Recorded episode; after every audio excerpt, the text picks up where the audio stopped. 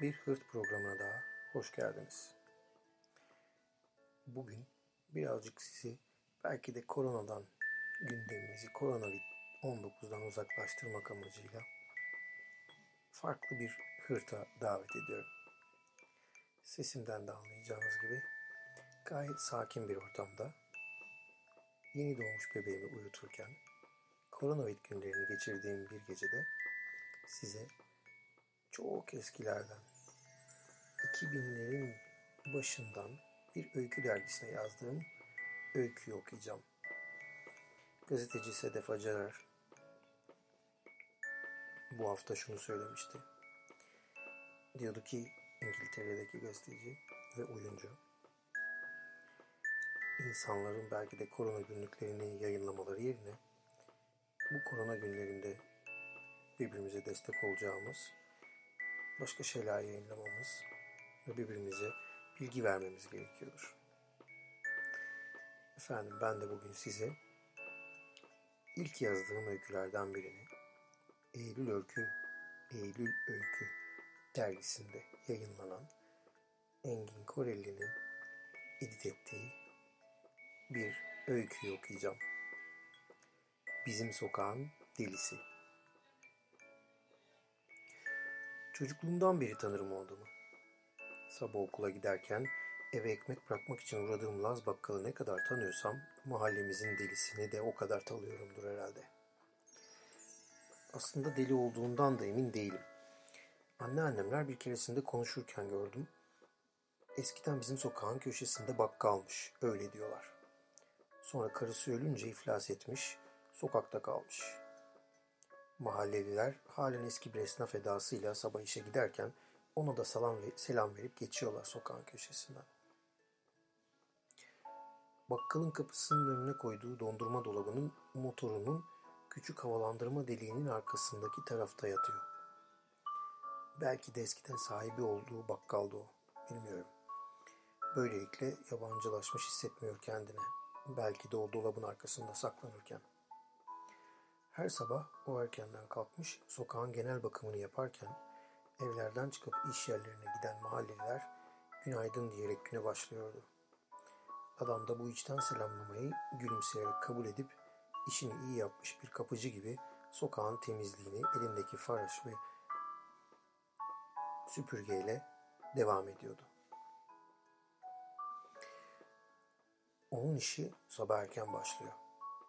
Bir önceki akşamdan sokağa atılan çöplerden belediye çöpçülerinin toplayamadığı ekmek kırıntılarını kaldırımdan eliyle toplayıp 95 numaralı Bozkurt Caddesi'ndeki apartmanın önüne koyuyordu. Kuşlar oraya gelmeye alışmıştı artık. Çocuğu olmamıştı hiç. Birilerinin ona bağlı yaşamasını o da yaşamak için güç veriyordu. Her sabah köşedeki kasaba gelip artık kemiklerindeki etleri temizleyebilmek için cam önünde bekleşen kedileri ise Hikmet abinin parmaklıklı giriş katının penceresinin önüne yerleştiriyordu. Bu şekilde kediler de köpekler de kemikleri kemerebiliyorlardı. Kaldırımdaki ağaçların altındaki toprağın üzerine atılan çöpler onun en dayanamadığı şeylerdi. Zaten koca binaların arasında hapsolan bu cılız ağaçların bir metrekare bile etmeyen köklerini gömdükleri ufacık toprak parçalarından ne istiyordu bu insanlar? Çöplerini illa da toprağa atmak ne zevk veriyordu onlara. Çöpçüler de sadece poşetlenmiş çöpleri alıyordu zaten. İş sokakta dolaşan yerleri süpüren belediye işçilerine gelince kimse benim mahallemi benden iyi temizleyemez diyordu. Hiçbir süpürgeciyi mahalleye sokmuyordu zaten bizim amca. Her hafta yenilenen, değişen belediye işçileri bu yaşlı adamın bağırmaları karşısında korkup kaçıyordu sürekli. Sürekli tekrarlanan bu sahneyi meraklı mahalle hanımları da camlardan tebessümle izliyordu. Bir süpürgeli çöpçü sabah sokağa süpürmeye geliyor. Onun gelişini köşeden gören bizimki çöpçüyü sokağa girer girmez kovalamaya başlıyor. Sana söylemediler mi? Burası benim bölgem diye bağırıyordu arkasından. Belediye işçisi de korkup kaçıyordu zaten. En büyük zevkiydi bu. Ortalığı toplamak, temizlemek. Sokak onun eviydi. Derli toplu olmalı. Günde yüzlerce misafiri vardı onun. Sokaktan geçen herkes misafir. Çay, kahve ikram edemiyordu belki ama temiz bir sokak yani evini sunabiliyordu ancak geçenlere.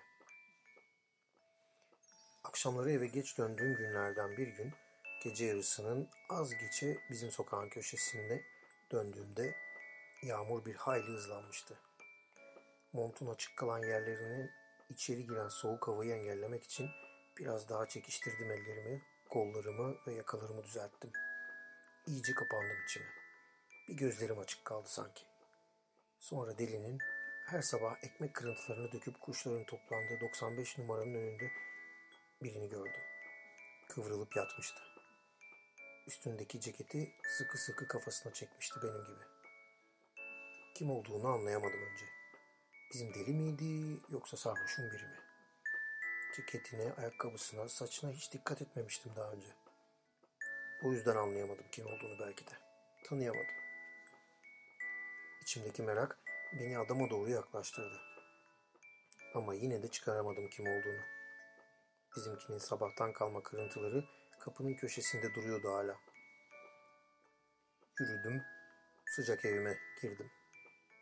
Sigara yakıp biraz televizyondaki aptal gece filmlerine baktım. Baktım diyorum zira seyretmeye gönlüm yoktu. Sürekli savaş filmleri.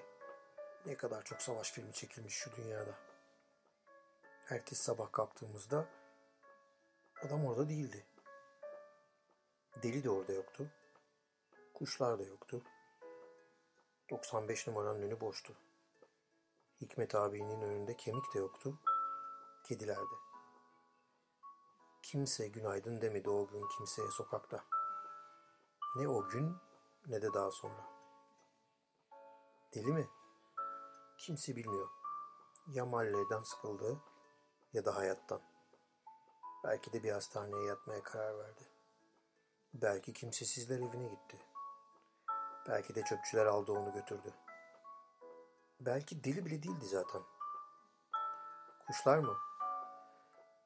O günden sonra hiç kuş görmedim bizim sokakta. Ekmek kırıntılarının peşinde. Hiç. Artık meydan kedi ve köpeklere kalmıştı. Çöpçüler de rahattı artık. Kuşlar da Taksim meydanında göbekte turlamaya başladılar o akşam herhalde.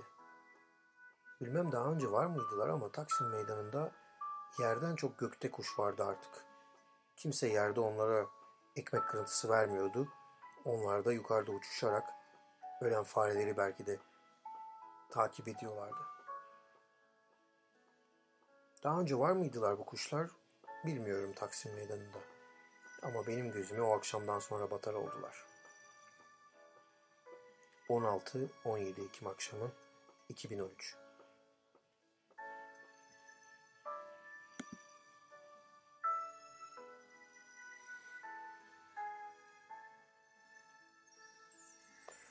Efendim, dedik ya Medyapod'da bu hafta size bir öykü okuyayım dedim. Bir delinin hikayesiydi bu. Bozkurt Caddesi'nde aslında gerçek bir hikayeden alınmıştı. Böyle bir insan yaşadı. Sokağı temizleyen biri vardı. Niye mi bu hikayeyi özellikle seçtim? Hem ilklerden biri olduğu için hem de bu dönemlerde işte bu koronalı günlerde belki böyle birbirimize ne yapıyoruz evde, ne yapıyoruz, ne ediyoruz diye soruştururken en çok evsizlerin ve evine ekmek götüremeyenlerin belki de halini hiç düşünmez olduk. İnsanlıktan çıkar olduk. O yüzden işte sabah kalkıyorum, evimde spor yapıyorum, evime kapanmış durumdayım diye şikayet falan etmeye gerek yok. Evimize kapanmışız ama başımızın üstünde bir çatımız var. O zaman etrafımızdaki yardım etrafımızdakileri yardım etmeye devam etmek daha iyi. Bunun için belki de şu her akşam çıkıp da sağlık çalışanlarını alkışlayanlar var ya, biraz gıcık oluyorum ona. Çünkü sağlık çalışanlarını alkışlayıp da sabah gelip de çöpleri toplayan çöpçüleri alkışlamamak biraz garip değil mi? E bir de sağlık çalışanları demiyor mu bizi alkışlamayın, bize maske bırakın. Etrafta tarafta maske bırakmadınız diyor. Neyse, böyle küçük bir eleştirel öykümü size aktarmış olayım. Bu hafta da böyle geçsin. Önümüzdeki hafta bakalım yeni bir öyküyle hala korona devam ediyorsa biz de hırtta, hırtlık yerine biraz daha edebiyat paylaşımı yapmaya devam ederiz. Görüşmek dileğiyle.